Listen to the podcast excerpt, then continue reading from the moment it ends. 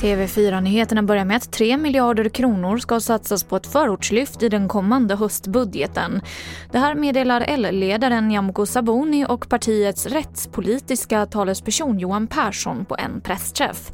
Och pengarna ska bland annat gå till skolor, språksatsningar och polis. När MSB gör enkätundersökningar om hur svenska folket påverkas av coronapandemin så är åldersgruppen 80 plus inte tillfrågade. Och det här får nu kritik från pensionärsförbundet SPF Seniorerna.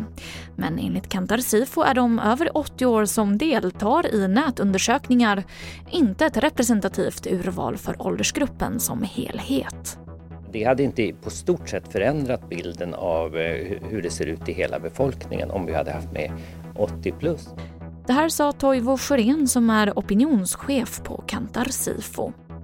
Och jag avslutar med att från och med nästa lördag kommer svenskar att få resa in i Finland igen. Tidigare har resenärer från länder med fler än åtta nya coronafall under de senaste två veckorna stoppats. Men gränsen ska nu höjas till 25 nya fall. Och det var det senaste från TV4 Nyheterna. Jag heter Emily Olsson.